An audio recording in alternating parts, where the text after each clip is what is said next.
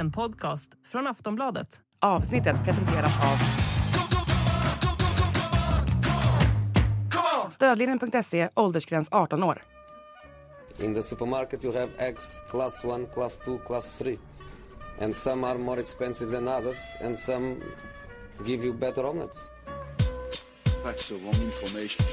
Wrong, wrong, wrong information. I didn't say that. Mycket varmt välkomna till denna avsnitt av Sillypodden.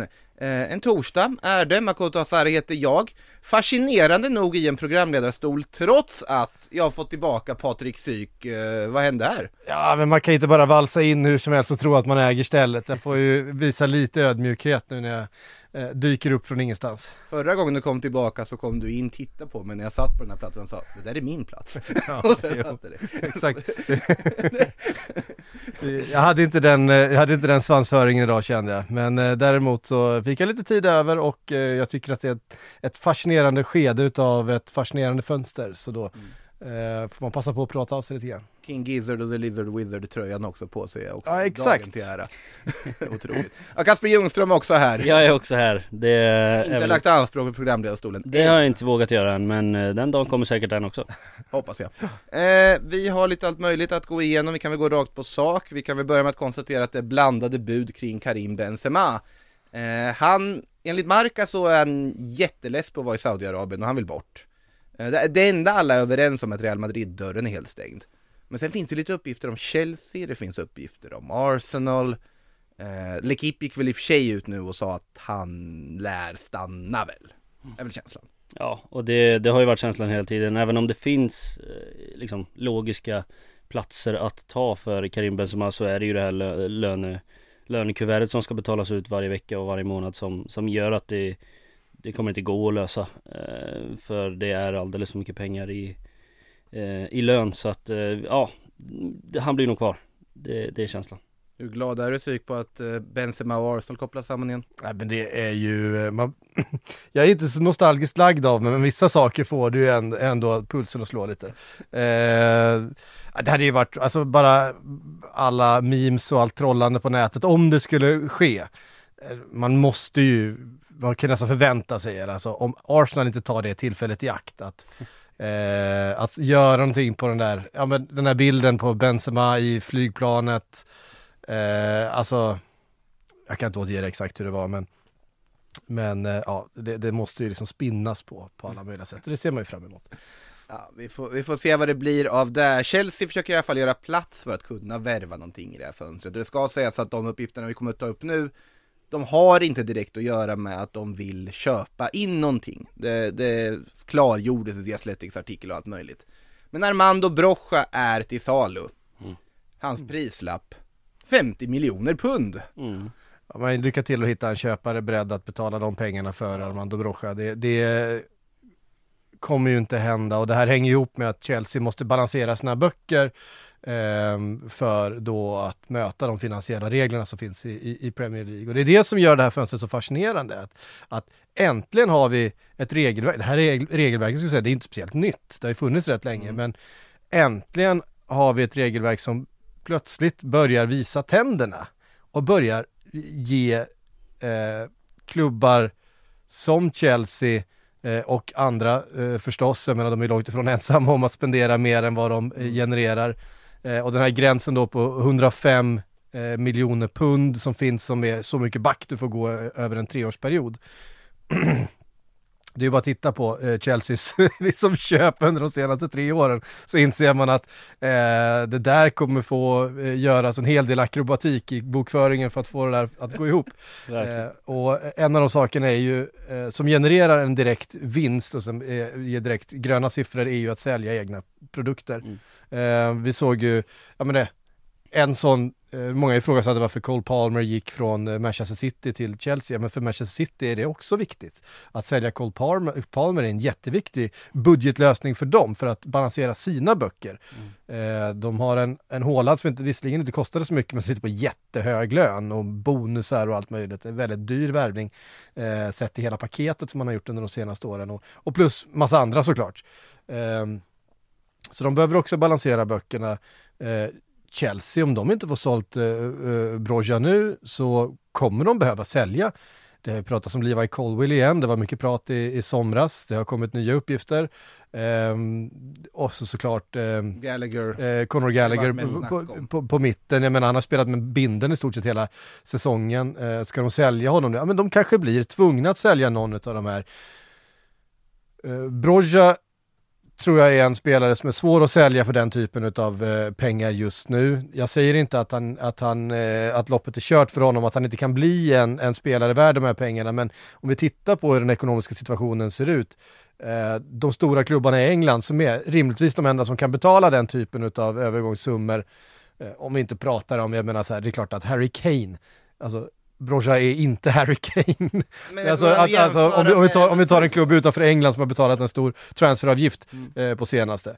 Ehm, Real Madrid kommer liksom inte köpa Broja för, för 50 eh, miljoner pund. Det hade varit något. Det, det De italienska lite, klubbarna kan inte. Nej exakt, det pratas väl lite om att Chelsea redan nu förstår att prislappen är lite hög och att de kommer behöva gå ner och 35 någonstans där känns, känns mer rimligt men det, det, även där är det ju liksom, det är dyrt. Det är svårt. att- Och framförallt är det svårt att hitta köpare i det här fönstret. Det är extremt få. Har vi en enda övergång gjort i, gjord i Premier League så här långt som är liksom en riktig övergång där en spelare har eh, vars kontrakt har köpts ut. Resten har väl varit ett lån.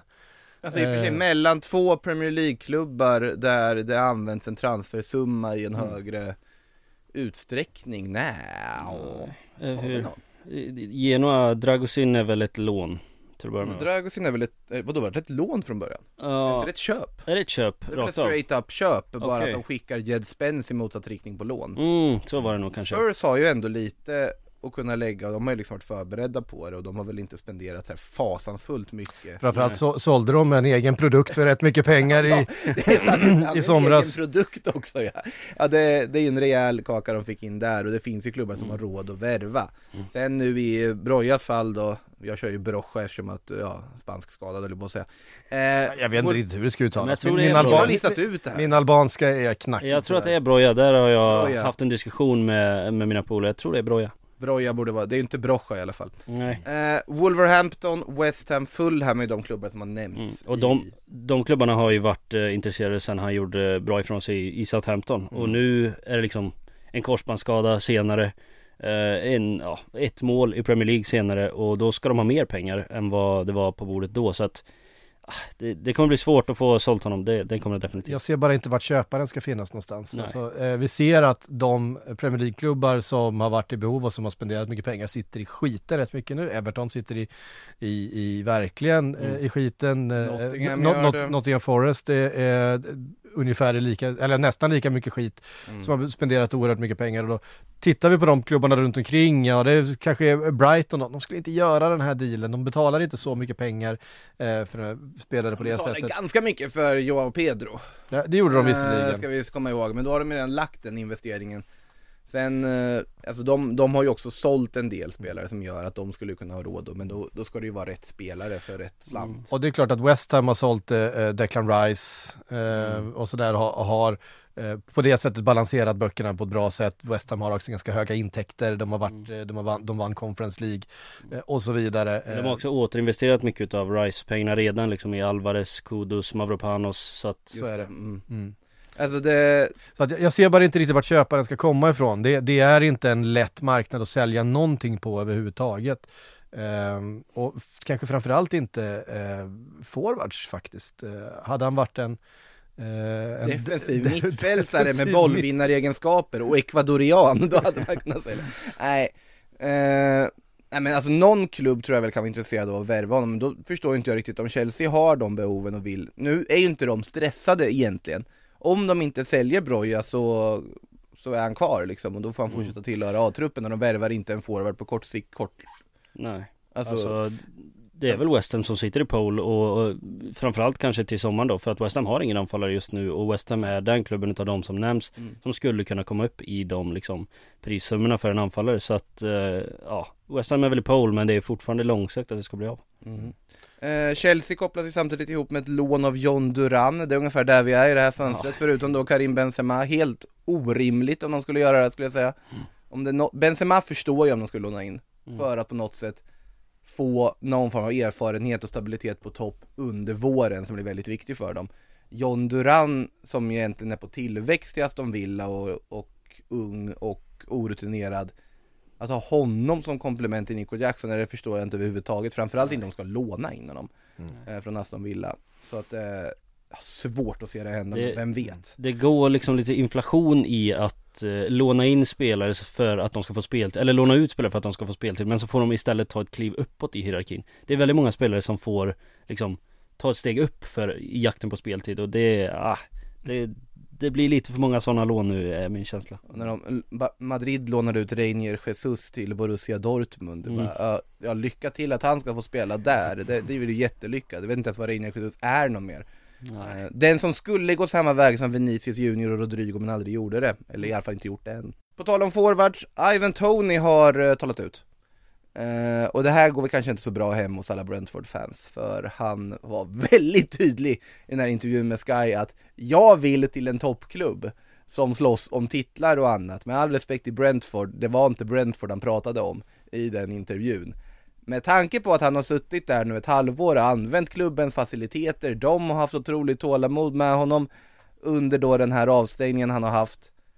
Det skickar inte jättebra signaler att dundra ut och basunera ut det direkt när du är på väg tillbaka efter en halvårs avstängning.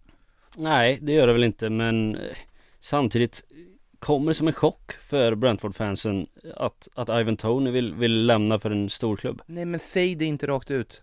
Nej, Utåt ska men- du säga, jag är jättetacksam, det har varit jättejobbigt att vara utanför planen, det ska bli jättekul att komma tillbaka med grabbarna igen och spela Men det har väl också sagt. Brentford. Det har väl också sagt. Jo, ja. Alltså jag tycker att ha- Hade det varit ett Brentford som hade spelat så som de gjorde förra säsongen så hade det varit en grej Men nu är det ett Brentford som i allra högsta grad riskerar att åka ur Premier League Det är klart att Ivan Tony inte ser någon framtid i, i Championship Det, alltså Han säger väl bara det som alla förstår tycker jag Men det är klart det är aldrig kul att höra eh, Men så, så ser verkligheten ut Ja, och där är det samma sak. Jag menar, Brentford kommer inte släppa honom speciellt billigt. Det eh, finns inte enormt utrymme eh, hos någon. Jag menar, Manchester United är i behov av en, eh, av en forward. Kan de lägga 35 miljoner på, på Broja?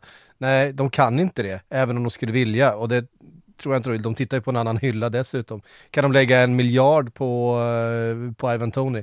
Definitivt inte. Eh, även om de skulle behöva. Eh, och då pratar vi ändå Manchester United, jag menar, allt det här, en av världens största klubbar, alltså de är in, alltså det här är verkligheten för alla klubbar just nu och det är därför vi ser det här extremt tröga fönstret. Eh, verkligheten har kommit ikapp lite grann. Det var också tror jag så här att folk blev lite, med tanke på att regelverket har funnits sedan 2013 tror jag det var, eh, och det egentligen inte har drabbat Premier League-klubbar för de har haft så höga intäkter hela tiden och de har kunnat. Mm. Eh, sen kom pandemin, intäkterna sjönk, det har varit, eh, man fick då också uppskov på de här tre åren efter pandemin just av den anledningen. Eh, så förändrades reglerna tillfälligt, nu är reglerna tillbaks och nu sitter ett antal klubbar eh, som har satsat under den här perioden ganska, ganska pyrt till Newcastle såklart, vi kommer komma in på Alexander Isak, eh, Bruno Gimareis, eh, Sven Bottman, eh, alla de här dyra investeringarna det pratas om. Chelsea såklart, eh, vi ser att Manchester United kan typ inte göra någonting. Eh, jag tror att Manchester City sitter ganska stilla också. De har 115 andra saker att fundera över. De har 115 andra saker och det här, om man nu ska säga, alltså folk jämför eh, anklagelserna mot eh, Everton och, och Forest med anklagelserna mot Manchester City och de skiljer sig ganska mycket åt. När uttalandet kom här, eh, vad var det i förrgår, eh, där eh, man helt enkelt eh, berättar att man kommer charge, vad heter det? Ja, åtala. åtala Everton och, och, och Nottingham Forest för att helt enkelt ha gått för mycket back under de här senaste tre åren. Eh, Så meddelade man också att det, det finns ett datum för Manchester City, eh, men han vill uttala sig inte mycket mer om det. Problemet där är att Manchester City har inte haft ett minusresultat. Däremot så har man ju inte då levererat en fullständig, eh, eh, en fullständig budget. För det är ju så här att klubbarna måste rapportera in sin budget eh, till fullo, korrekt liksom eh, uppstaplat och allting. Så här har mycket har vi spenderat, så här mycket har vi tjänat, det här är alla våra utgifter, det här är alla våra intäkter. Sen sätter sig en, en eh, oberoende kommitté och tittar på de här siffrorna och så ser vi att oj, här vart det för mycket eh, underskott under de här tre åren. Och så hör de oss i klubben, vad beror det här på? Och så säger de, ja men den där vet du, det där var ju ett, eh, eh, det där var ju ett köp som eh, skulle ligga i den här kolumnen och det var ju varit lite fel. Och då säger den här kommittén att nej, vi tycker att den här kolumnen ska ligga eh, det, det, det är det som, det är det som rör eh, då bland annat eh, Newcastle och det som man eh, eh, misstänkte att de eventuellt skulle då kunna bli åtalade för var, handlade om 7 miljoner pund som var registrerade under rena sponsorintäkter men de skulle is- istället varit kate- kategoriserade som intäkter ifrån ägaren eftersom det företaget som då hade kommit med den här sponsorpengen kommer från ägaren och då ska det räknas på olika sätt Ja. eh, i, i det här. Och eh, det Manchester City har gjort är helt enkelt, de har inte eh, gett den här kommissionen ett fullständigt underlag av sin budget. Uh, och det har man, uh, när man har bett om det så har man sagt att ja men det kommer snart och så kommer aldrig det. Och så har man istället försökt motverka den här processen och motverka den här uh, kommissionen hela tiden. Och det i stort sett, jag tror det är 100 av de här 115 åtalspunkterna handlar om att de inte har levt upp till sitt åtagande att presentera den här budgeten på ett korrekt sätt. Vilket jag kan tycka är en mer allvarlig an- anklagelse än att faktiskt gjort en överträdelse. Everton har ju varit ärliga och öppna. Sen att de försökte säga att ja men det här var ju pandemin och så vidare. Som, eh, och de, försök, de, de försökete förklara då sitt, sitt, sitt, sitt, un, sitt underskott på, på olika sätt och, och det köpte då inte den här kommissionen. Och Forrest ska väl också på olika sätt eh, försöka förklara sitt underskott på olika saker och kanske få ehm, någon slags gehör. Nu fick, just att Everton inte fick något gehör för sin överklagan, eller det får vi, överklagan får vi se, men för sina förklaringar utan faktiskt tilldelades det här poängavdraget omedelbart. Det gjorde ju att många drog öronen åt sig eh, och märkte att oj, den här kommissionen har faktiskt tänder och de är beredda att använda dem. Eh, och de har ju tre eh, möjligheter att straffa. De kan ge böter, vilket ju alltid är så här, en klubb som inte har pengar, det är, så, det är en sån jävla double whammy att ge dem med böter. Eh, de, kan, de kan ge poängavdrag och de kan också ge eh, transferförbud. Eh, alltså förbud att registrera nya spelare. Eh, så det är de tre möjligheterna som, som man har. Och, eh, böter för klubbar som har jättemycket pengar är ju inga problem, men, men däremot poängavdrag, eh, det är någonting som, Ja men Everton får det till nu. ja, skulle Everton få Ja, ett till nu så är det ju ridå. Och det är väl det som är eh, mest troligt också. Om man läser rapporten att de, de kommer få ett till och det kommer For- Forrest kommer också bli av med poäng. Så att, eh, också det här som gällde Chelsea, det fanns ju frågetecken runt eh, eh, en hel del av Abramovic förehavanden som har kommit upp i de här rapporterna när den här kommissionen har suttit och granskat eh, deras budgetar och sett att pengar har kommit från olika offshorebolag som man inte har kunnat koppla någonstans, att de kanske är kopplade till Abramovic ändå och det har kommit fram nya saker. Så att eh, det har ju skett ett enormt, och det här görs ju i alla klubbar, de håller på att vrida och vända på alla de här reglerna, hitta kryphål och det, det betalas eh, Ja, en del utav, eh, eh, var det Guardiolas lön som betalades till något offshore-konto där och, och någon annans lön och, eh, och Fyller år idag va, Pep Guardiola? Har jag mig. Känns som han fyller år varje dag. Undrar om han fick en ny fin stickad polotröja. ja det, Eh, jag noterar att du sitter på en fi, ny fin stickad polotröja på dig Inte så ny men den är stickad. Ehm, så att det, det här berör väldigt många klubbar. Eh, om väldigt många klubbar är, eh, ligger på gränsen, eh, helt uppenbart. För att det är klart att de också kan räkna. Everton har ju inte cyniskt räknat med att ah, vi, kan nog, vi får nog ta den här förlusten och sen så, så löser vi det. Nej, utan det verkar som att den här kommissionen in, bara helt enkelt inte köper de här undanflykterna som man har gjort tidigare. Eh, man har inte kunnat, man har inte kunnat eh, liksom argumentera sig ur den här situationen utan eh, nu, nu eh, har man helt enkelt bestämt sig antagligen från, från kommissionens sida att eh, nu får det vara bra.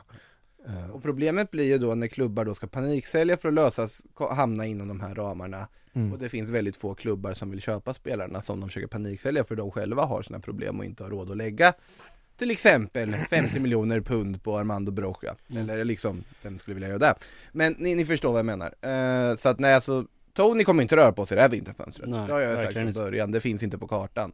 Då, det är om Chelsea lyckas få en försäljning klar och på något sätt plötsligt skulle pumpa in massa pengar eller någonting, eller om Arsenal hittar någon form av väg. Arsenal, det var vi inne på för, förra avsnittet också just där att de sitter väl mest och försöker hitta någon som ska köpa Edin Kettia mm, eller Emil Smith Rowe exakt för att har, då ju, kunna finansiera. de har ju många egna produkter som liksom Mm. är på utåtgående Att de är på väg att lämna liksom Och det här är ju, det är väl det största problemet med alltså de här reglerna är just det att det är regler som är skrivna på ett sätt så att de uppmuntrar lag att sälja sina egna produkter. Mm. Att det blir att du har din talangakademi för att bara finansiera värvningar utifrån snarare än att liksom ge näring till A-truppen med nya färska spelare som kan identifiera sig med klubben och som supportrarna kan identifiera sig med. Det blir ju mindre och mindre så, utan det är mer bara någon form av, jag vet inte liksom, bara en farm för att få ihop massa resurser Mm. för att kunna köpa spelare som du vill ha till A-truppen istället. En ganska oroväckande effekt av de reglerna som uppenbarligen har synts mer och mer och mer i transferfönstret senaste tiden. Så är det ju. Och är man då till exempel Newcastle som inte har så som Chelsea har kunnat göra då, kunnat sälja egna talanger. Ja. Så man vet ger en, en, en, fördelaktigt Precis. i, i det här. Du kan då sätta den, den eh, intäkten kan du sätta i en speciell kolumn som är värd väldigt mycket. Ja, Eh, Newcastle har inte en, de, det är som Sean Longstaff och Mm. Jag vet inte vad de har mer som vad hade de fått för Sean Longstaff om de hov- hovar ut dem på marknaden? Det är också en fråga som jag hör, hade av, velat ha svaret på. hör av sig till Chelsea och frågar om de har 50 miljoner de kan lägga på Sean Longstaff. Ja. Eh, han är ungefär sam, han är väl samma hylla som Broja eller? Ja, alltså ja, om Longstaff, inte bättre alltså. Han Alltså- har ju levererat liksom, det har inte Broja gjort. Han är ju... tänk den här, Gallagher till Newcastle och Broja, eller nej, Gallagher till Newcastle och Longstaff till Chelsea. Mm. Ja med tanke på att ett, en av klubbarna som, eh, en av eh, eh, spelarna har pratats om i Newcastle som de eventuellt kan behöva sälja eller kommer att sälja är ju Bruno Guimaraes. Mm. Ehm, som såklart är en spelare som skulle dra in en ganska hög övergångssumma. Han har ju visat sig vara en, en världsklassspelare på en position där det betalas stora pengar just nu, Mm. där det finns ett stort behov runt om i, i Europa. Ehm, Men de Så får att- inte lika mycket som eh, Chelsea skulle få av att sälja Gallagher, det är det som är grejen. nej, det, så, så är, Och så är där det. behöver man ju titta på reglerna tycker jag, på något, ett eller annat sätt. För Ja exakt. jag tycker att effekten det här ger Absolut bra att klubbar behöver tänka ekonomiskt och inte spendera pengar de inte har Mm. Men det ger en oönskad effekt också i sammanhanget Det är lite som så här, såklart att La Ligas lönetak har en god tanke i grunden Mm. Men utförandet och liksom implementeringen av det lönetaket var ju helt eh, Alltså katastrofalt. Men det går ju, det går ju liksom i linje med hela resten av, eh, av den moderna fotbollens utveckling att eh, det blir mer själlöst och det blir färre liksom som kan identifiera sig med sina med sina favoritklubbar för att det blir bara ett, För ett det- bemanningsföretag till slut. För det tycker jag att reglerna är ganska bra på att jämna ut förutsättningarna för klubbar och att det har haft en, det är just, just nu har det en positiv effekt. För det är positivt för fotbollen att det inte handlar spelare för miljarder i det här fönstret. Säger, Det- säger Patrik Syk tillbaka i Sillypodden Ja, men det är bra, det är bra för fotbollen. Ja så. Eh, så att den överväg, den, det är sån där, eh, den, den, den övergripande effekten är positiv skulle jag säga, men det här är en bieffekt Ja, eh, som precis är inne på som är negativ. Nu, nu pratades det ju igen om här Levi Colwill eh, till Liverpool som det pratades mycket om i somras. Eh, det dök upp nya rykten om att Liverpool igen är där och, och hör sig för och att eh, ett pressat Chelsea kanske, ja vi kanske inte får eh, 35 miljoner för, för eh, Broja, men vi kanske kan få 35 miljoner pund för Levi Colwill. Som inte har varit superbra den här... Eh, Spelar på fel position han, har- som, ja, ja, men, de lånade ut Matsen nyss, Ja. lånade ut, det får de inga intäkter på i, i de där reglerna till att börja med Ja, och som vi vet att Liverpool är superintresserade av, jagade jättemycket i somras, en vänsterfotad mittback, precis det de letar efter. Ehm, jag säger inte att det kommer hända nu, men det, det kan ju vara så att i, i sommar behöver Chelsea antagligen också sälja någonting. Eh, om det inte sker nu då. ja. Eh, så att det där är ju ehm, en... Är det är ett problem. Eh, det, jag håller helt med dig Makoto och det här att, att tvingas sälja egna produkter är, eh, är, är ju såklart negativt. Några som blickar mot sommaren också, det är ju Manchester United eh, De kommer inte kunna göra så mycket i det här vinterfönstret eh, Eh, men däremot så vill de göra saker till sommaren när eh, Sir Jim Ratcliffe ska sätta sin prägel på det liksom, investering han har gjort Jag såg också några uppgifter flyga förbi om att han skulle bli tvingad att sälja sina andelar om Glazers Ja. hittar en annan köpare inom 18 Jag månader det. Hur kan man sköta en försäljning av en klubb på ett sätt som sätter klubben i så jobbig sits som de Glazers har gjort? Om det stämmer och de hittar någon annan, ska de bara riva upp allt igen som nu Ratcliffe ja. det, det är ju helt bisarrt om det stämmer Kommer Saudi, eller vad nej, han var inte från, eh, vart var han ifrån? va? Qatar var han Ja. ifrån. Eh, han, han kommer tillbaka nu. Jaha. Och då Ja, har. Ratcliffe satt sin prägel på det, anställt Potter och värvat spelare som passar in i hos Mm. modellen där eller någonting i ett, i ett år och så går det att riva upp allt igen och ersätta med, jag vet inte, Kylian Mbappé eller något. Eh, nej, men United blickar i alla fall nu mot sommaren, nu med då Sir Jim Ratcliffe i, eh, med, eh, vad heter det, Såklart. tyglarna. Mm. Eh, Jared Branthwaite, Joshua Sirksi, Matthijs de Ligt, det är namn som nämns Kasper. Ja, det är ju det. Uh, det Licht är väl, uh, ja, ska man säga det hetaste spåret. Det har ju kommit lite uppgifter om att han är ganska missnöjd med sin tillvaro i, i Bayern München, att han vill lämna och eh, där finns det ju en, en stor lucka för, för Manchester United att fylla. De behöver ju en mittback som är eh, av absolut yttersta nivå. Eh, och De Ligt är där redan nu. Gerard Brantwaite är liksom mer av en lovande spelare som absolut skulle kunna komma dit men eh, De Ligt är väl den mest färdiga produkten som eh, i dagsläget. Sen har det också pratats om Ronald Araujo till sommaren även om ja, det kommer bli betydligt svårare att lösa och förmodligen dyrare också. Eh, så att De Ligt eh, är väl det hetaste spåret just nu. Jag såg också en Manchester United vill ha Vinicius Junior. Mm, Det var... det är det nog många klubbar som vill ha. Ja. Men eh, Lycka till. ja, Eh, ja, men alltså, annars så tycker jag väl, alltså Branthwaite tycker jag ju om den, den tanken såklart också. Mm. Det är en väldigt duktig eh, försvarare och i, ett, i en klubb som kan tvingas sälja Ja, spelare också. men som också har markerat ganska tydligt med just Brantwaite att det här kommer kosta rejält Ja, mycket. klart. Så även om de pressar ner prislappen lite så kommer det vara betydligt Ja, dyrare ja, än vad ja. De Ligt är och då, Ja. Någon som inte prisat eh, upp sin pris, eller prisat ner sin lön när man säger det är Jordan Henderson. Han Mm. betalar ur egen ficka eh, för att lämna då eh, eländet i Al Ettifaq. Där Steven Gerrard för övrigt verkar vara överens om en tvåårsförlängning. Ja, ja. För fan, han, Han kör på. Eh, Jordan Henderson vill i alla fall inte vara kvar och vara en del av det där projektet och ska ha gett upp en hel del slantar för att få det möjligt att återvända till Europa. Ja, Och det är han ju- återvänder till Ajax. det råder ju ingen tvekan om att, att Jo- Jordan, Jordan Henderson gjorde en, en helt eh, vansinnig felbedömning i somras på alla sätt och vis. Jag tror han ångrar, jag tror han ångrar varenda beslut han tagit de senaste eh, sex månaderna förutom det här att lämna eh, Saudi och det får man ändå eh, på något sätt så han tog beslutet, han blev på något sätt övertalad, eh, ja av pengarna såklart. Stevie Eh, G. Eh, ja men så, så, så Steven Gerrard, han hade, visst var det någon annan som gick dit också? Eh, Ja, Wijnaldum är väl där i... Ja, Wijnaldum är, är, är, Också, är, det kanske det som är där. Mm. Ja, eh, hur som helst, han blev övertygad. Sen fick han ju spela med ett tag där när kritiken kom, då kunde han ju inte gärna eh, svänga, men, men eh, uppenbarligen så var det här inte för honom till, trots allt. Ehm, ja, jag tror att han ångrar att han lämnade Liverpool eh, något eh, djävulskt. Mm. Han satt fortfarande, hade flera år kvar på kontraktet. Två år kvar på kontraktet tror jag.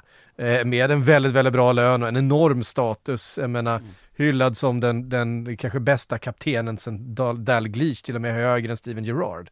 Eh, det var liksom statusen han hade, nu är det liksom bara raserat. Ja. Ehm, och jag menar, sex, han, han har liksom vantrivts uppenbarligen, jag kan gissa att hans familj har vantrivts också med att bo då i Bahrain.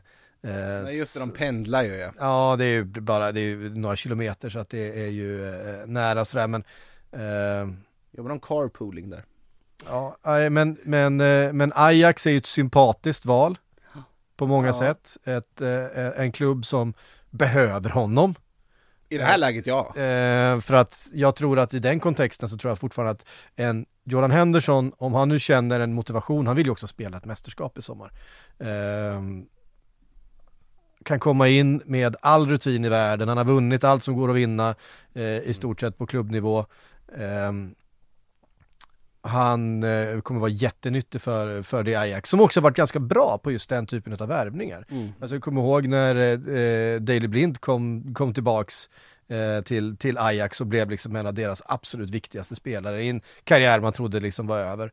Ehm, och sådär. Det, det har Ajax varit rätt bra på. Då har det i och för sig mest rört sig om liksom Ajax-produkter från början, alltså det är hemvändare på det sättet. Men jag tror att, tror att Jordan Henderson kan vara ett, ett jättenyttigt tillskott för dem och framförallt om man är motiverad och sugen på att spela fotboll igen inför eh, liksom fulla läktare och, och allt vad det innebär. Det där är jag förstår att man, att man saknar, han har ju spelat för 400 pers liksom i, all ettifak. Ja, det, är det är alltså, så. det är alltså publiksiffror som har sjunkit under säsongen. Det tycker jag är, Men det Steven- tycker jag är otroligt. Fantastiskt. Steven Gerrard på förlängt kontrakt. Det. Ja, nej, honom, eh, han- honom har man ju tappat.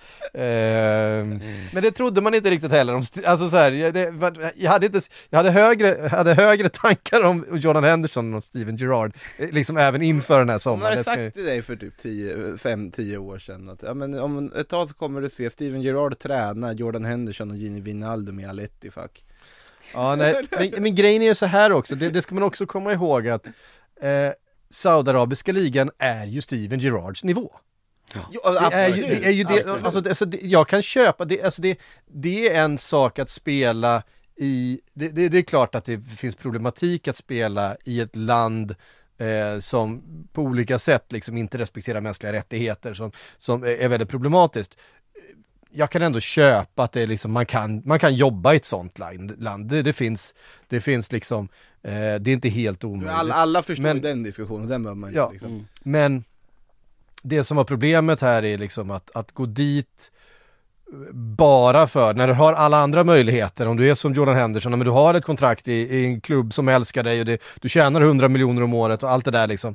Eh, Alltså, är, är liksom så, som hade stått redo i Ja, ja. sommar ifall det skulle vara så också. Ja, du hade, kunnat, du hade kunnat flytta någonstans, alltså det här är, men du går dit som är liksom så långt under nivå. Steven Gerrard får ju inte jobb någon annanstans. Det är ju ingen som anställer Steven Gerrard. Om han nu vill vara fotbollstränare så är det där nivån han får befinna sig på. Mm. Han kanske hade kunnat komma till League One eller något sånt där, men, men, ja, ja, alltså, jag, ja, men det är lite som så här, Robbie Fowler var, var tränare i Indien liksom. Mm. Ja, det är hans nivå, antar jag. Nå- Någon borde introducera Gerard liksom bara på någon, någon, någon fest eller något socialt event, introducera honom för Aurelio De Laurentiis.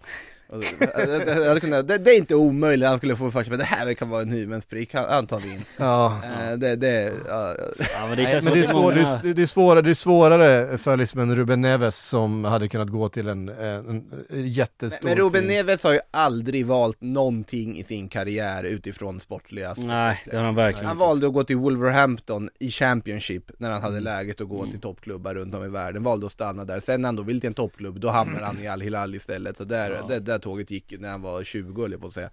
Eh, någon som verkligen har velat lyckas i en eh, klubb på den högsta nivån, det är ju Calvin Phillips. Det har dock inte gått i Manchester City, han behöver hitta en flytt där. Newcastle-spåret har ju svalnat helt. Ja, märkligt tycker jag. Ja. Men, ja, men det, det, det är ekonomiskt. Ja, och nu kommer då det till, ja, på tal om ekonomiskt, håll i hatten Mm. nu, för Barcelona och Atletico är med i leken nu, så intresserade. Men enligt eh, The Telegraph då, uh, Barca har noterat honom och tänkt att de behöver en innermittfältare. Ja, lycka till att lösa det då med, Barca har inga pengar att lägga på någonting i det här fönstret. Uh, av helt andra, även om de nu verkar få igenom en försäljning av Bar- Barca Studios för andra gången ska sägas efter den första misslyckades. Eh, så, men det kommer inte hända, men det är ändå kul att eh, Calvin Phillips nu är dykt upp på spansk radar också. Mm. Ja, men precis. Det Han finns är ju- ju bra. Ja, det är ju just det. Han är ju liksom fortfarande en väldigt, väldigt bra mittfältare och det pratas ju nu om, eh, ja men återigen klubbar som West Ham, Fulham, liksom den här nivån och han är alldeles för bra för det. Alltså han är, han är fortfarande liksom Du hade ju tagit honom i ögonen och böjt till West Ham. Verkligen, det hade jag gjort. eh, alltså han, han, han är absolut på nivån för Barcelona, för Atletico Madrid. Han, han ska spela Champions League eh, slutspel liksom. Är, skulle han funkat på Barca mittfält tror du? Alltså det, jag är skeptisk. Ja, rent nivåmässigt så tror jag absolut att han håller. Det tror jag inte Barcelona ska ju inte göra överhuvudtaget närheten den typen av värvningar i, i det här fönstret tycker jag. Då, då ska de snarare gå på mycket mer ekonomiskt sansade alternativ om de ska ha någonting. Atletico, ja där skulle jag kunna se dem funka under Cholo Simeone Mm. på det här mittfältet. Absolut, de behöver den typen av spelare in också. Mm. Eh, kanske ha lite mer att röra sig med än vad Barca har i det här läget. Ja, också. det har de. Eh, vi får väl se. På tal om centrala mittfältare så såg jag att Tyler Adams var eh, snart på väg tillbaks. Det är ju en värvning som Bournemouth gjorde i somras som man har glömt bort. Ja, Eh, som jag också var väldigt positiv till. Ja, alltså det- taggad. det var ju en spelare jag hade i det läget, jag menar, han var ju klar för Chelsea i stort sett. Så- Just det, han var klar för Chelsea. Ja, ja, ja. Han hade precis dragit, han hade precis dragit upp strumporna och sen så, så eh, ringde agenten och sa att du, eh, de verkar ha köpt eh, eh, Romeo Lavia här istället. Så att, eh, Romeo Lav, en annan värvning man hade glömt. ja, men precis. Eh, Romeo Lavia har ju gjort en, en, en snabb comeback och gått sönder igen. Ja, det var, det var Eh, det att kalla det comeback höll jag på att säga men det Ja nej men han ju var, sorgligt faktiskt han satt väl på bänken där i alla fall, gjorde han någon minut? Ja, han gjorde, han var inne och lirade lite tror jag, Ja, han har någon ligacup tror jag. Ja det har han gjort, men det, det är ju sorgligt att det har varit så jobbig start för honom mm. Men, eh, men ett Bournemouth som ju har kommit igång här eh, och som verk, som har börjat se bra ut. Mm. Det är ju det där centrala mittfältet kanske som, som har behövt någonting. Mm. Eh, anfallet ser ju väldigt spännande ut. Eh, eh, jag tycker de har en backlinje som, som nu ser sp- samspelat ut. Alltså Tyler Adams är ju en klassspelare. Ja. Och för ett lag som Bournemouth så är ju han deras, liksom, han ska vara deras nav. Det är ju klart de har eh, Dominic Solanke. Ehm, Han kan göra är- mycket skillnad för Ja, kan man liksom fasa in honom tillsammans med Alex Scott som också är en eh, lovande mittfältare som eh, Som Bournemouth tog in från Championship i somras så, så har man ju någonting på gång på allvar liksom med Tavernier framför där så att eh, det, det ska bli spännande att följa Bournemouth. Det är inte ofta man säger det men nu gör jag det faktiskt. Det, det säger man väl ofta, Ja. Måla som tränare eh, På tal om en annan dyr investering i somras så PSG verkar redan tröttna på Gonzalo Ramos enligt L'Equipe Känner Mm. att han inte riktigt håller måttet mm, eh, Lycka till och flytta på honom när du värvade honom på någon form av, vad var det, 80 miljoner euro eller vad han kostade Inte helt lätt, eh, men säkert skulle finnas intressenter ändå Mm. ifall man skulle sälja honom men inte nu i vinter tror jag så det där kan vi nog Ja. De har ju också här- Hugo Ekitike som är helt ute i en frysbox där och inte Ja alls men han ska vara relativt nära Frankfurt nu. Nu ska det vara Frankfurt? Ja det ska, det var, det har varit ganska, ett hett spår ganska länge med Frankfurt eh, i och med Jag är ute Randall och cyklar, var det inte Wolfsburg han var nära? Eh, nej det var ju Kolomani, då var det ju att Etikette skulle åt andra hållet då För att de skulle få in någon ersättare men det har de inte Det var ju till Frankfurt då. Ja exakt Ja Nej men jag trodde Wolfsburg var inne i mixen också. Ja men det var, dementerades ganska fort med. Wolfsburg. Utan det, är- det är fortfarande Frankfurt. Men jag menar den här värvningen eh, av Gonzalo Ramos, det är andra värvningen Anfallsvärvningen från Benfica Som någon klubb gör i rad som inte har blivit så bra så det här blir ju inte negativt bara för PSG Vänta, vilken, vilken är den första? till- Innan du- Darwin Nej men Nunes Darwin Nunez säger fortfarande Nej, nu, nu får man liksom ute Nu får man nog någonstans börja snegla mot ett minifiasko här för att det har inte alls blivit Nej nej nej nej Jo. nej nej nej nej nej Han är ju det- toksuccé.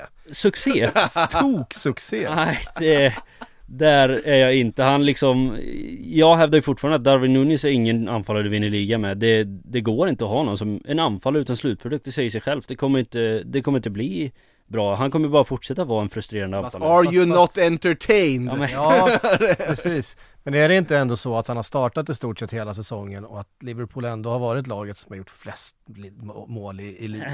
absolut. Men han har, bara gjort fem, han har bara gjort fem mål på 19 starter. Ja, så är det. Eller på 19 matcher. Men eh, ja, det är, väl, det är väl en podd för en annan fråga. Men det är, Det är en eller, podd för en annan fråga Det blir, blir rörigt här. Men i alla fall så tror jag att liksom Att klubbar börjar se att det är liksom inte en garanti bara för att man värvar eh, dyrt från Benfica längre utan det här kommer nog eh, liksom Få, få klubbar att bli mer uppmärksamma på värvningar även från Portugal För tidigare har det varit liksom att lägga allt ni har på portugisiska anfallare för det Det blir succé så det här kan ju vara något som kanske påverkar Ja men Viktor Gyökeres.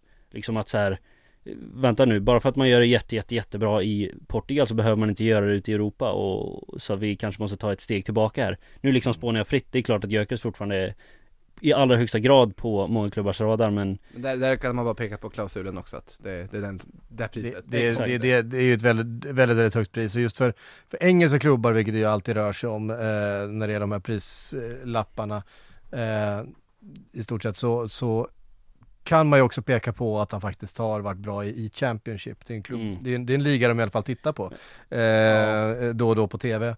Eh, till skillnad från, till skillnad från eh, alla andra ligor i världen. Eh, Det är faktiskt så det är liksom så här, jag har sett en hel Championship-match den här säsongen och resten, resten har- går ju på scouting-rapporter och YouTube-videos. ja, Det är så det känns ibland när det värvas i Premier League. Men eh, för att det är ju en helt annan utmaning. Alltså, det är en verkligen att, att göra, att vinna skytteligan i Championship, ja, nu vann han väl inte skytteligan, han kom nej, tvåa tror jag. Ja, bakom. Eh, mål. han gjorde väldigt mycket mål. Eh, I Coventry, i ett sånt lag utan liksom resurser och med, med rätt, rätt svaga spelare runt omkring sig får man ändå säga, s- drog det laget. Han var ju anledningen till att de tog sig hela vägen fram till, till playoff-spel där ju. Mm. Och eh, åka ner till Portugal en helt annan, att vara det bästa liget, eh, laget i ligan ist- istället och dominera matcherna och fortsätta liksom trumma in mål och göra det liksom och se, se sådär alert och hungrig ut. Jag tror ändå att ehm, ja men som du, som du säger, Darwin Nunez är, är kanske en, ett exempel på en spelare som har gjort det i en och samma miljö mer Mm. eh, under sin karriär fram tills att han kom till Liverpool. Eh, och där har ändå Gyökeres en, en nivå till att visa upp. Jag, tittar, Mm. jag har också liksom eh, gjort det här, men jag tror inte att han går nu i januari. Jag är Nej, rätt övertygad om att, om, for- alltså fortsätter han som han gjorde under våren, un, alltså i under hösten nu i vår, eh, så då kommer han, då, då kommer han köpas. För, att, Ja, han kommer ju köpas men eh, jag vet inte om, alltså så här, för klausulen är inte omöjlig nej. eh, för, ett- för ett lag som ska liksom göra en stor satsning och det är en, han, han börjar bli en spelare som du gör en stor satsning på liksom. Mm. Jag tror också att till en sommar så kanske det, om Gyökeres är tydlig med att han vill ha en ny utmaning då, vilket inte han har varit tydlig med hittills, han vill ju snarare stanna i Sporting och köra på. Då, då kommer det nog kunna finnas förhandlingsutrymme från den klausulen, Mm. tror jag. Absolut. Eh, Men vi, vi får väl se.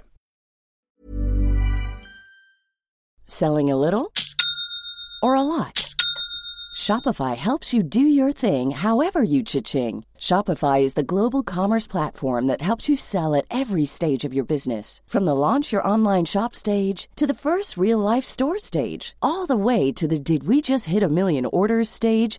Shopify is there to help you grow. Shopify helps you turn browsers into buyers with the internet's best converting checkout. 36% better on average compared to other leading commerce platforms because businesses that grow grow with Shopify. Get a $1 per month trial period at shopify.com/work. shopify.com/work. En annan anfallare som har, som har gjort en flytt är Geraldo Becker, klar för Real Sociedad officiellt. Han gjorde 11 mål för Union Berlin på deras succésäsong förra säsongen. I år, noll hittills.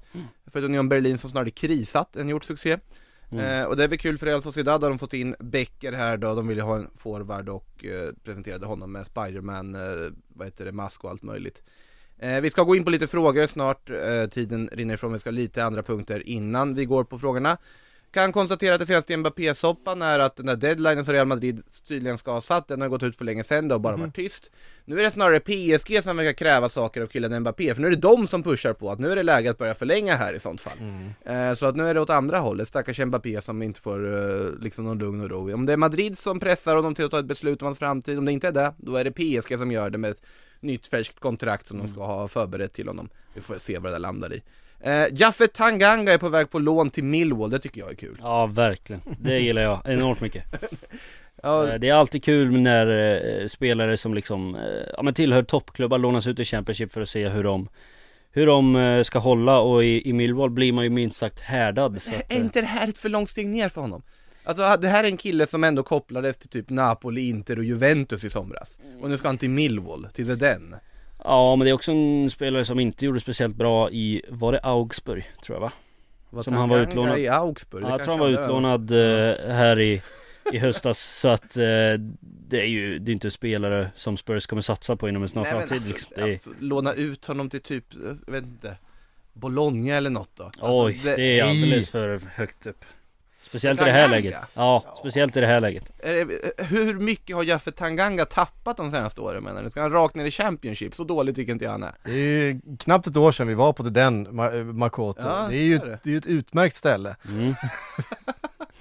En av de sämre fotbollsmatcherna man har sett live. Eh, Den var inte bra. Nej, det var framförallt, eh, framförallt Sunderland som var, Middlesbrough eller med. Middlesbrough menar jag, Middlesbrough som var, Under Chris Wilder, nej det var, det var precis efter Chris det var Wilder, precis efter Chris Wilder eh, men för, eh, Men de spelade som att det var Chris Wilder ja, fortfarande ja men det var, det var något helt, det var något helt bedrövligt, det var, det var- överlappande eh, mittbackar ut- ute i ingenstans verkligen så. De sprang och ställde så passningsskugga och lämnade hå- stora hål. Otrolig upplevelse faktiskt ändå ja. eh, Millwall var ganska bra, men just, eh, just Middlesbrough var, var är bla, väldigt bra. bland det sämsta man har sett faktiskt. eh, Ja det var Första gången man var på engelsk fotboll var man på Millwall Middlesbrough på det den Men det är precis så Och du vet, ett drygt år senare eh, med Carrick eh, nu då så har man eh, ledning 1-0 mot Chelsea i, eh, i ligacupen. En lång bit ifrån, vi såg botten Ja, vi ja, vet det, vad de, har, de har kommit långt sedan dess och ja. jag tror Carrick kan vara en man för, eh, för större jobb här, om inte allt Mm. för eh, lång tid faktiskt. För Jag har ju lyft det är- att han skulle kunna vara ett vettigt alternativ för United ta Nej, vet du vem, det vet vem det var som lyfte det? Det var jag Var det du som gjorde Ja det? det var det Snor Nej men jag har sagt det här också och tycker det var rimligt håller med Ja det kanske det Herregud, var det är inte, det, det, nu, pratar vi inte liksom, eh, det, det är Michael Carrick och Manchester United. Det, Mm. det, det, är, inte- ni är inte helt ensam om Nej, så- spaningen i... så är det. Nej så är det. precis Jag fel på pronomen där Ja. Nej, men han har ju kopplats ihop till, eh, ja men till exempel West Ham när Moyes var lite Ja. liksom ute och cykla. Ja, ja, men det minns jag. Ehm, och ja, men det, det hade varit ett spännande namn att se. mm. Gissningsvis om inte, ja, tveksamt om Middlesbrough går upp då. Ja det gör de nog inte. Eh, det, det, det är så bra har det inte gått i ligan, men, eh, men eh, till nästa säsong om det är någon som behöver eh, en omstart, vilket det alltid är. Eller kanske någon, något av de andra uppflyttade lagen om det är så, så tror jag att eh, Carrick kan vara ett spännande namn. Absolut. eh, Notera också att Reguilon är officiellt presenterad för lån till Brentford eh, Mm. Och det är väl kul för honom, alltså Mm. jag vet inte riktigt vad mer jag ska säga det är en, Jag tycker det är en duktig vänsterback, och se om man kan få lite mer speltid och förtroende och kanske lyfta lite i, Mm. i Brentford istället Mm. Eh, mycket frågor idag, kul! Synd att vi har inte jättemycket tid att ta upp allihopa bara eh, Vad ska vi ta för fråga då av alla frågor som har kommit? Jag kan följa upp en grej, för vi fick en här från Håkan Hallberg. Vi Ja. hade en liten eh, diskussion här på, på Twitter. Är det här någon Twitter-tråd ni har haft? Ja, det är en Twitter-tråd vi har haft eh, för några dagar sedan. Nej, men han undrade eh, hur det låg till med Champions League-spel om Nice och Manchester United båda två skulle nå Eftersom då eh, Jim Radcliffe äger, äger Nice eh, och äger då också, eh, som vi vet nu, en del av Manchester United. Eh, de har samma ägare, vad gäller? Eh, han har psyk kommit fram till något, jag lovade dem att jag skulle läsa på. Eh, och det har jag gjort. Eh, lite grann i alla fall från vad jag har eh, listat ut. Jag tror, alltså så här, om båda två skulle i nuvarande eh, läge, i nuvarande ägarförhållanden och så som det är, då skulle det bli en eh, conflict of interest. Däremot så tror jag att man skulle kunna göra så som, som eh, eh, Red Bull-lagen gjorde. Man helt enkelt, man byter titel på några eh, executives som gör att de inte längre är, jobbar för det övergripande företaget, de jobbar rent för, ingen jobbar för båda klubbarna.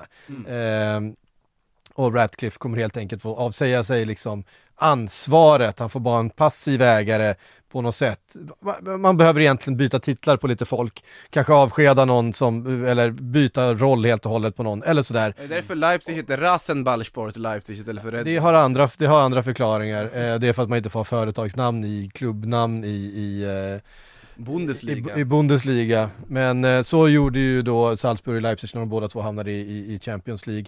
Eh, skulle det vara så att man inte gör något, om det är så att man skulle behöva välja en av de här två, då är det faktiskt den som har bäst ligaplacering.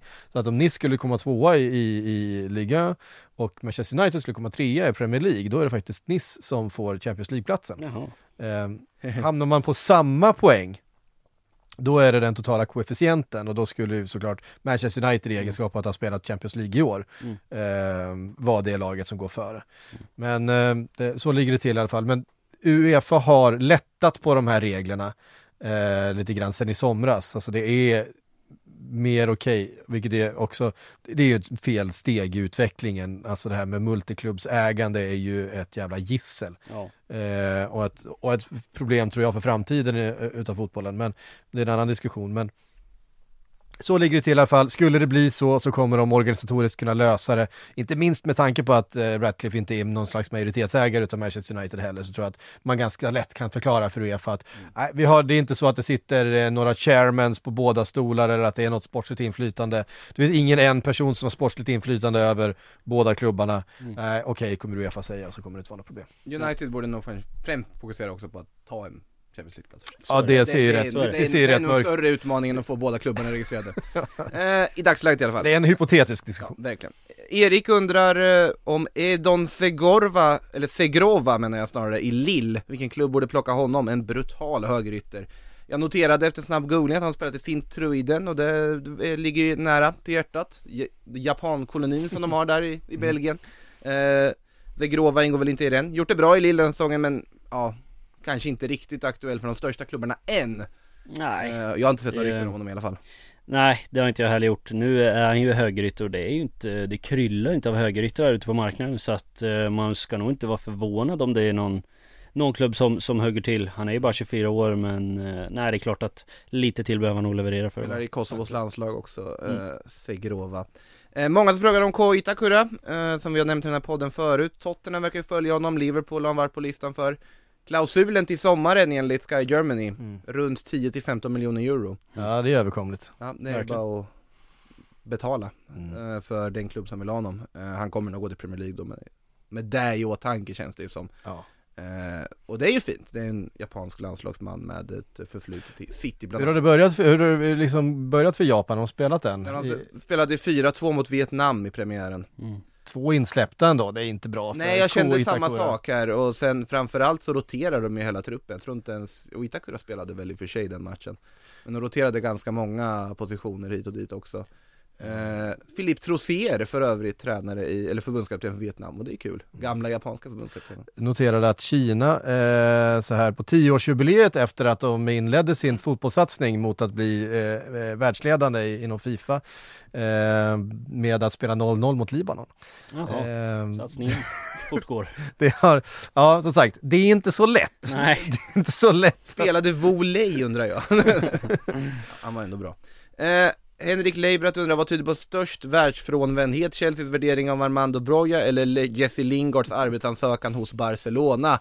Alltså båda har en rimlighet Alltså, Barca så. behövde mittfältare, Jesse Lingard behöver en klubb, såklart de ändå ställer frågan Och han är gratis att värva Jag förstår Ja. varför Jesse Lingard ställer den frågan Känns, det känns bara så konstigt. Ja, jo, det jag är vet, men jag något som- förstår varför frågan ställs. Sen kan de säga nej, vi är inte intresserade. Tack och så går man vidare. Men det är på något sätt ändå, jag förstår den. Ja, och jag varför må- Chelsea värderar Broja till 50 miljoner pund, med tanke på att han är 22 år gammal. De är intresserade av en Evan Ferguson som är 19, inte gjort så här jättemycket egentligen, Nej. än, men värderas till en miljard. Så ur det här perspektivet, det är inte så världsfrånvänt något av det.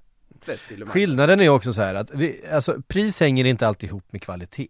Nej. Pris handlar väldigt mycket om eh, vad du har för typ av kontrakt, hur behoven ser ut från säljande respektive köpande klubb.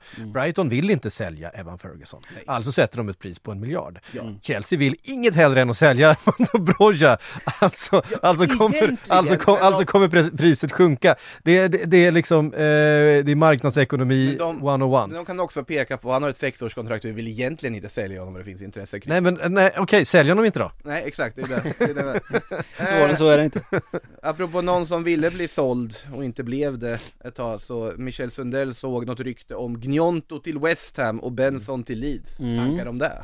Eh, ja, alltså varför inte? Det är, det är liksom en, en italiensk landslagsman, det är en spelare som besitter otroligt hög Han är nivå. landslagsman Eh, så att, eh, nej men det är väl klart att det är intressant. West Ham ska titta på ganska många alternativ på eh, vänsterytterpositioner just nu. Det kom uppgifter här för någon timme sedan om att man ska vara intresserad av Klubb Brygges norska, eh, jag tror väl han är norsk, Antonio Nosa, mm. eh, Har varit på 18-åringen. mångas eh, tapet tidigare Precis, precis. Och sen är det ju såklart Jack Clark eh, från Sunderland som är fortfarande det hetaste spåret så att eh, vi får se. Eh, det hade varit kul om Njonto kunde vara, kunde bli aktuell. Vet ni vad? Nu måste jag röra mig för vi har ett möte om en minut Åh herre. Eh, Så kan det gå, Eh, snabba ryck här i, på Sportbladet-kontoret eh, Tack Kasper, tack Patrik, eh, gäst idag Ja, det, är inte ofta nej det var Är det kul. första gången du sitter här och någon annan programledare i Sillypodden? Eh, ja, det måste det väl vara. Jag kanske, kan, kanske, kanske gjort något motsvarande vid något tillfälle, tidigare tillfälle, jag vet inte. Men eh, det är väl lite Vi får se om det var lite första och sista gången, om, om du, nästa gång du kommer tillbaka Ja, men det är liksom så här att eftersom, eftersom, jag, eftersom jag normalt sett eh, är upptagen med annat eh, för stunden eh, och bara dyker upp när det passar mig. Eh, då, Ja, Självinsikt när du lägger upp det så så, ja. Eh, då, då, eh, då får man också komma in med en viss eh, svansföring som sagt. eh, Och jag, ins- Jag, jag, jag, jag, gissar på att du ville prata av dig lite om FAs regelverk eh, också, Ja men de- dels, dels vill jag svara på den här frågan om eh, om Nice och United Ja men precis och eh, sen är det kul att vara med. Jag, är liksom, jag vill ju gärna sitta här och, och mer än vad jag, vad jag hinner och, och, och kan så eh, när det blir kort varsel och det blir lite så här så får man väl eh, Och anledningen vi bryter det här för ett möte är ju för att vi faktiskt ska prata lite om deadline day Som vi, Ja, vi, vi precis. kommer göra en sändning i, i Du har möte med mig, ja. planen. Ja det var så det var. Ja, det- Hade du glömt det? Ja, skit nu, som sagt, tack för att ni lyssnade, ha det gott allihop In the supermarket, you have eggs class 1, class 2, class 3. And some are more expensive than others, and some give you better omelets. That's the wrong information. Du har lyssnat på en podcast från Aftonbladet. Ansvarig utgivare är Lena K Samuelsson.